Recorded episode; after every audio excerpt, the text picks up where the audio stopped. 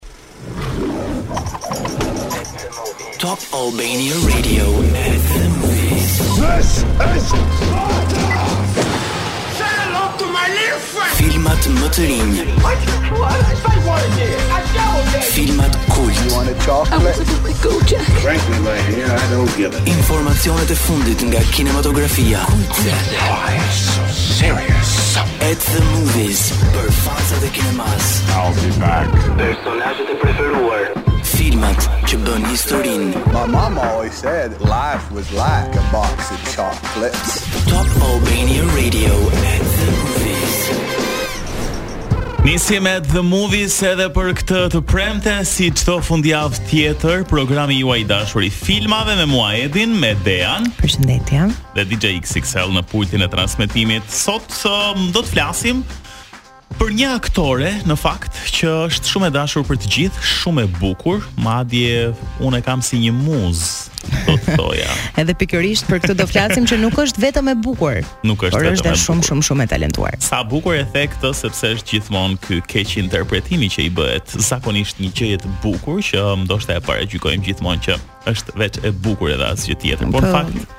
Do flasim pak më vonë në fakt për këtë. Mm -hmm. Si fillim do flasim për dy premierat më të fundit në Cineplex, të cilat ne do t'i zbulojmë pas pak, njëri prej të cilëve të paktën ne që jemi brezi i 98-s, 97-s, qoftë edhe më përpara, do të na ngrohë dhe do të na gëzojë shumë, por ne nuk duam t'jua zbulojmë ende. Po, ma thuaj pak vetëm titullin në atë gjuhën tënde që sapo e the pak më parë. Është Sirena, ne e njohim si Sirena e vogël. Mhm. Ndryshe The Little Mermaid ose si Arieli. Okej, do të flasim edhe për një tjetër premierë shumë interesante sot, ndërsa programi do ta nisim me një këngë që ka vetëm pak orë që është publikuar, në fakt me një klip sepse vjen si kolonë zanore e filmit Barbie, të cilin mezi po e presim është një film që ndryshe nga versioni i animuar që jemi mësuar ta shohim tani vjen me njerëz. Na erdhën në jetë të gjithë kukullat e fëmijërisë. Po, nuk ka më animimi nuk ekziston më. Dhe është pikërisht Dua Lipa me Dance the Night. Mirë, rikthehemi sërish në studio. Jemi tani me dy premierat që kanë mbërritur në Cineplex. Edhe do ta nisim me një film të animuar japonez,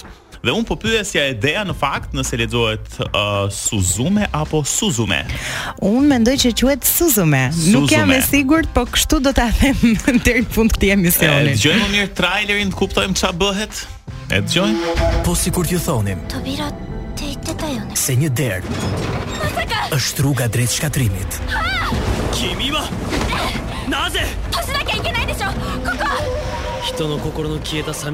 A do arrijë Suzume të mbyllë dyert që nëse hapen, zor se mbyllen më? Suzume në Cineplex TEG dhe QTU.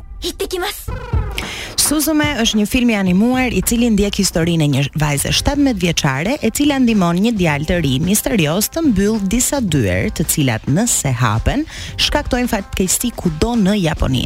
Suzume arrin të prekë lehtazi atë ideologjinë që ka universe paralele dhe ne besoj e jetojmë të gjithë këtë që nëse bëjmë një zgjedhje ose një lëvizje të gabuar ose të duhur në një X moment, ajo na çon drejt një realiteti tjetër dhe Suzume flet pikërisht për këtë. Është edhe ai ligji i tërheqjes që nëse ti mendon për diçka në të ardhmen, po themi do të ketë më shumë gjasa që të ndodhë. Pra nëse ti ia përsërit vetes që unë dua këtë, unë dua këtë, kështu kam lexuar të paktën. Por në rastin e Suzumes ajo me sa duket po manifeston vetëm fatkeqësi dhe fundin e botës, po, kështu që më mirë mos ta bëjë këtë gjë dhe të manifestojë diçka më pozitive. IMDb e ka vlerësuar Suzume me shtatë pikë tetë, që është një vlerësim goxha i lartë, madje filmi është konsideruar një sukses i jashtëzakonshëm nga kritika dhe ka arritur të arkëtojë treqind e njëzet milionë dollarë në box office, që nuk është pak për një prodhim japonez. Pavarësisht se Japonia njihet për uh, filmat e animuar, kategoria anime që ka bërë sigurisht um, xhiron e të gjithë botës me shumë filma me të cilat edhe ne jemi rritur. Megjithatë, prodhimet e reja duket se vazhdojnë ta mbajnë stekën lart, siç themi ne. Edhe çuditërisht, ia vlen për të përmendur fakti që Cineplexi është gjithmonë i mbushur sa herë që kemi një film anime. Edhe mbaj mend dhe kur kishim një uh, koncert të BTS-it i cili mm -hmm. transmetohej në Cineplex, ishte një publik i cili e ka mbushur Cineplexin për ditë me radhë, që do thotë dhe ne në një farë mënyre po adaptohemi me këtë kulturën japoneze të animeve. Shumë e vërtetë edhe për Suzume uh, ka patur një event shumë interesant në Cineplex, në fakt me një po themi themed party që është bërë pikërisht në nder të filmit për të gjithë fëmijët që kanë vajtur atje për ta parë dhe do vazhdojnë ta shikojnë përgjatë gjithë javës. Mbetemi sërish tek uh, një tjetër film tani, uh, që si do të thoja, ata kanë animet e tyre, po, ne kemi kukullat dhe animet tona të cilat vijnë nga Disney dhe Do ndjekim pak trailerin e The mhm. Little Mermaid. Sirena më e dashur në mbarë botën. Për herë të parë në histori. Vjen në jetë. This obsession with humans has to stop. I just want to know more about them. Një film për të gjithë familjen. Ariel, don't. Poor child.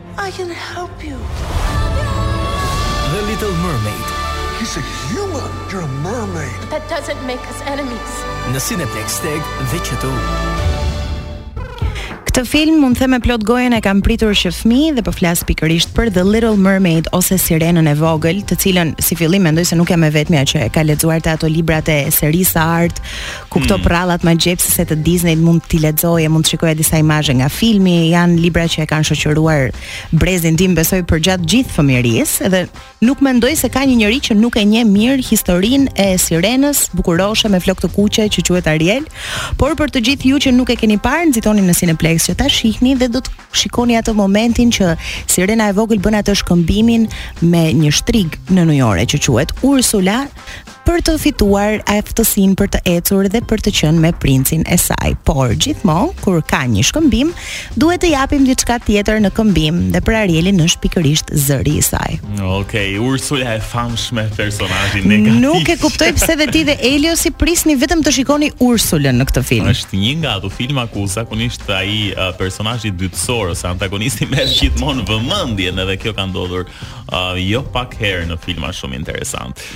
Ndërkohë, duket se kjo javë Cineplex-it i është kushtuar pra vetëm premierave, po themi të animuara, ku në qendër janë fëmijët edhe familja, padyshim. Gjithmonë ne përfitojmë që të shkojmë ndonjëherë edhe me fëmijët për të parë ata filmat e animuar të preferuar, kështu që këtë radhë janë dy të tillë.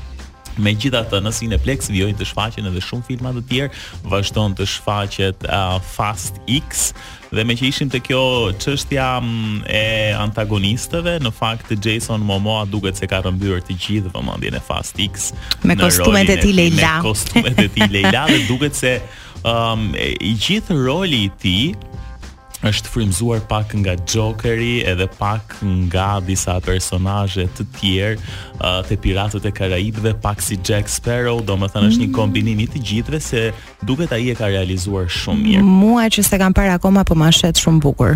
Kaq di të them. po është shumë interesant personazhi i tij. Mirë, këto janë dy premierat e kësaj jave në Cineplex. Ne do të rikthehemi sërish pas pak për të folur për atë që është e bukur, e zgjuar dhe një aktore shumë e mirë.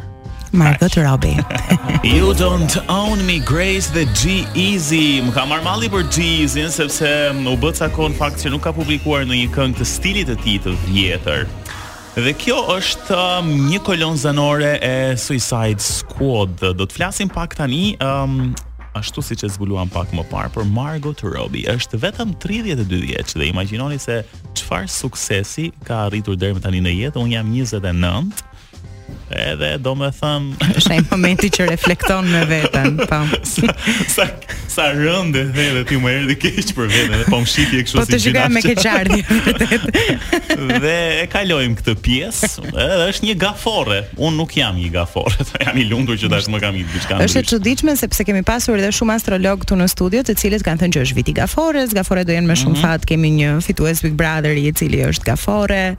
Shohim që Margot Robbie ka korrur shumë suksese këtë vit, gjithashtu si një po. gaforre dhe me sa duket vërtet qenka viti i gaforreve. Mm -hmm. Është rasti kur astrologjia del që ka diçka të vërtetë në këtë mes. Ne mund të dimë shumë gjëra për Margot Robbie në qoftë se thjesht e googlojmë dhe shohim Wikipedia, por janë disa fakte shumë interesante që ne vendosëm t'i sjellim këtu për ju dhe njëri prej tyre është ai që më çuditi më së shumti që gjyshërit e Margot Robbie ende nuk e kanë parë The Wolf of Wall Street. Mm -hmm. Mendoj se të gjithë ne e kemi parë dhe kur je një aktore me famë botërore ti e bën atë ujdinë me veten që hey njerëzit ndoshta do më shikojnë dhe pak të zhveshur. Po, ose në disa skena të papërshtatshme. Dhe je dakord me këtë gjënë, por në një deklaratë mamaja e bukuroshes tha se ajo ishte okay me faktin se Margot do ishte e zhveshur në filmin Wolf of Wall Street, por ia kishin ndaluar gjyshërve që ta shikonin Ndoshta për të mos prishur atë imazhin e mbesës së ëmbël.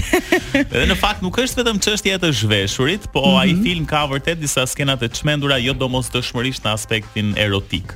Megjithatë një skenë e çmendur në aspektin erotik është për të gjithë ju që e keni parë, po e zbuloj tani.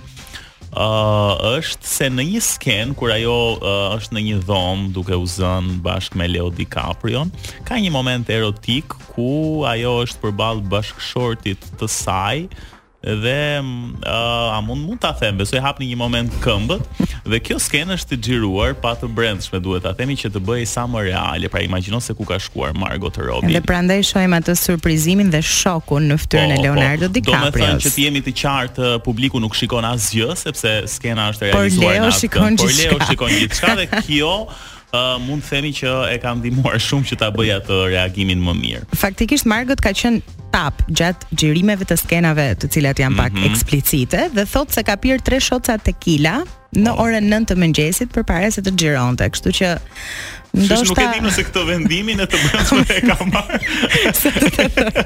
e ka marrë esëll apo nën efektin e atyre tre shotsave. Mendoj nën efekt, por është një sekret që e di vetëm Margot. Po, po ka edhe një gjë tjetër, um, ideja që uh, kur është bërë castingu i filmit, domethënë Margot e ka goditur me shpullë DiCaprio në të vërtetë, madje ishte një goditje e fortë dhe uh, Martin Scorsese thotë që um, ajo pati një reagim që wow çfarë bëra godita Leon dhe me siguri tani gjithçka do marrë fund dhe në mhm. fakt uh, Scorsese tha që ishte pikërisht ajo shpullë që më mbushi mendjen se ajo është perfekte për atë rol. Duhet thënë se edhe kimia e të dyve është shumë e jashtëzakonshme dhe unë kam përshtypjen që thellë thellë uh, diçka edhe mund të ketë pasur një flirt se nuk besoj se ka qenë ndonjë marrëdhënie, po kimia e tyre është e jashtëzakonshme. Unë di të them që Leo ka dalë shumë i surprizuar nga ky shesh. Ajo është e sigurt. Mirë, Margot Robbie se neve le të themi e objektifikuam pak me këto gjëra po, që po, po, diskutuam deri tani, por është një aktore shumë shumë e talentuar dhe kjo gjë dallohet nga filmi I Tonya, që është një film i bazuar në histori të vërtetë dhe mendoj se i ka shërbyer jashtëzakonisht shumë Margot Robbie për arsye se kur je një vajzë shumë e bukur, që përmbush thuajse çdo kriter nga këto të Hollywoodit, njerëzit mendojnë se ka qenë shumë e lehtë për ty që të arrije ato që ke arritur dhe të çaje në botën e kinematografisë. Dhe fatkeqësisht ndodh dhe kjo gjëja që ti punësohesh vetëm për role si ajo vajza e bukur, dhe nuk të japin këto rolet e protagonistes e cila mhm. duhet vërtet të aktrojë. Por Margot Robbie i hodhi poshtë të gjitha këto paragjykime, dyshime kur luajti filmin I Tonya si Tonya Harding, një patinatore akulli, nuk e di se a i themi kështu në shqip ice skating, po, po. patinatore po. profesioniste. Patinash në akull, po e cila kishte gjithë jetën e saj që trajnohej pafundësisht për të qenë më e mira në sportin e saj dhe teksa kthehet me ish bashkëshortin problematik që kishte në film, ndodh që në mënyrë që të fitonte dhe të ishte e para, zgjedh, dhe kjo është ende një teori konspirative në Amerikë dhe prandaj po bëhem pak ndoshta violent e dhunshme në në radio sot, por zgjedh që në mënyrë që të fitojë t'i thyejë gjunjtë konkurentes së saj më të madhe. Mm. Dhe po e them vetëm se është e bazuar në një histori të vërtetë dhe është një histori që ka shokuar Amerikën anembanë. Po megjithatë nuk është provuar realisht që kjo e ka bërë këtë gjë. Në gjyq. Do të mbetet akoma një teori. E, është një gjyq i cili le të themi ka mbetur deri diku i hapur, mm. është gjetur që fajtori ka qenë ish bashkëshorti i saj dhe roja e saj e sigurimit, por Tonja nuk dihet nëse ka dorë, po themi drejtpërdrejt. Tani kur dy personat e tu më të afërt janë gjetur po, fajtor, po, do thotë që dhe ti deri diku. e ke e ke dhënë një urdhër në po, thonjëza. Edhe na bën vërtet të kuptojmë atë ideologjinë se çfarë njerëzit bëjnë për të arritur që të jenë të parët për të mhm. mposhtur mm -hmm. dikë. Ndonjëherë kur je një në një sport profesionist dhe ke punuar gjatë gjithë jetës tënde për të qenë i pari, ndodh që Kjo gjëja të bëhet qëllim jete dhe nuk të interesojnë pasojat ose gjërat që ndodhin. Ok, shumë e bukur historia. Uh, jemi edhe në një film për të vijuar më pas me pjesën tjetër. Është Focus i 2015-s me Will Smith. Bëhet fjalë për një mjeshtër të mashtrimit ku merr nën krahun e tij një vajzë tërheqëse dhe shumë interesante siç është Margot Robbie e cila uh, quhet Jess. Pasi fillon ia mëson ato triket, po themi ato sekretet e mashtrimit, fillojnë një romancë mes tyre, por gjërat vjen një moment që një mashtrues nuk mund t'i pranojë të gjitha, po kuptonte që ajo po bëhej në fakt më e mirë se vetja e tij dhe në këtë moment ata ndahen. Shumë vite më pas teksa Will Smith um, në rolin e tij po planifikonte të bënte një vjedhje spektakolare në Buenos Aires, papritur shfaqet ish e dashura e tij e para tre viteve, të cilës i kishte mësuar të gjitha sekretet e mashtrimit, por ajo nuk ishte më e njëjta, ishte bërë një super yll edhe një femër fatale, po themi që kishte ndryshuar shumë gjë, ishte me një dashur të ri, me shumë para dhe këtu pastaj fillon sërish um, një gjë mes tyre, rrugët e tyre bashkohen prapë, por se çfarë ndodh? Mesazhi është mos i mbani partnerët afër asaj që ju jeni duke bërë se mund t'ju vjedhin zanatin. Po, edhe mund të bëhen më të mira se ju. Është performancë e jashtëzakonshme dhe një nga ato role ku Margot Robbie është shfaqur më e bukur se kurrë përveç lojës së saj shumë të mirë aktoriale. Kemi edhe dy filma të tjerë, po do i zbulojmë pas pak. Një tjetër performancë e shkëlqyer e Margot Robbie, ndoshta një nga më të mirat e saj, është roli uh, si Harley Quinn te Suicide Squad i vitit dy mijë e njëzet e një është një rol i paharrueshëm në fakt, e dashura e Jokerit u luajt me një sukses shumë të madh nga Margot Robbie dhe në një mënyrë shumë të çmendur. Jo vetëm kaq, por shikojmë se si personazhi i saj um, ka një ndryshim uh, thelbësor në fakt uh, kur u luajt nga Margot Robbie qoftë edhe në pamje, ajo në fakt u shndrua edhe në një ikonë për shumë um, njerëz dhe blogere të cilat filluan të bazoheshin ndoshta edhe te personazhi i saj, sidomos për Halloween kam parë që shumë vajza kanë zgjedhur të përdorin pikërisht lukun edhe dukjen e Harley Quinn. Përveç kësaj, um, po themi ajo solli një autenticitet te ky personazh dhe tashmë ne e identifikojmë Harley Quinn vetëm me Margot Robbie. Kjo do të thotë se sa i suksesshëm ishte filmi dhe performanca e saj. Krahas shumë aktorëve të tjerë interesantë tek ky film, si John Cena, Pete Davidson e të tjerë, por padyshim vëmendja është rrëmbyer nga Margot Robbie. Mua në vetvete nuk më pëlqen shumë Suicide Squad, por uh, Harley këtu uh, është e jashtëzakonshme luajtur nga Margot Robbie. Edhe aq shumë u pëlqye nga publiku sa më pas u bë Harley Quinn Birds of Prey, që i mm. dedikohet mm. pikërisht vetëm Harley Quinnit. luajtur normalisht nga Margot Robbie dhe mendoj që është shumë emocionuese të jesh një aktore dhe të luash të jesh një rol dytësor në një film dhe më pas të thonë hey ne duam të bëjmë një film për këtë rolin dytësor le ta shndrojmë në protagonist dhe ti të jesh sërish Harley Quinn. Po, jashtëzakonshme. Por mendoj që ky nuk është filmi i vetëm ku Margot Robbie ka shkëlqyer edhe kryesisht njerëzit përzgjedhin këto filmat që janë pak si më mainstream. Mm -hmm, mm -hmm. Unë shkoj te këto filmat që janë pak më të pavarur, më indie, siç ishte edhe filmi Babylon, që për mendimin tim nuk duhet humbur dhe për të gjithë ju që nuk e keni parë dhe kërkoni një sugjerim, është zgjedhja e duhur. Ne e kemi prezantuar me sa mbaj mend edhe herë tjetër ka qenë një premierë në po. Cineplex. por për të gjithë ju mund ta shikoni gjeni ato mënyrat tuaja mm -hmm. incognito dhe flet pikërisht për dekadencën e yjeve të Hollywoodit gjatë kohës së tranzicionit nga filmat pa zë në filma me zë dhe ata që ishin dikur aktorët më të njohur kuptuan se nuk shndrisnin aq shumë kur fillonin të flisnin përpara kamerës. Por mendoj se Margot Robbie në këtë film ka dhënë një performancë të jashtëzakonshme, na ka mbyllur gojën të gjitha atyre gojëve të liga që thonin që ajo është thjesht një vajzë e bukur, Dhe më vjen keq përsëri sepse si film është bërë më së shumti i njohur pasi doli një skenë ku ajo flet me aktorin i cili është partneri i saj në film.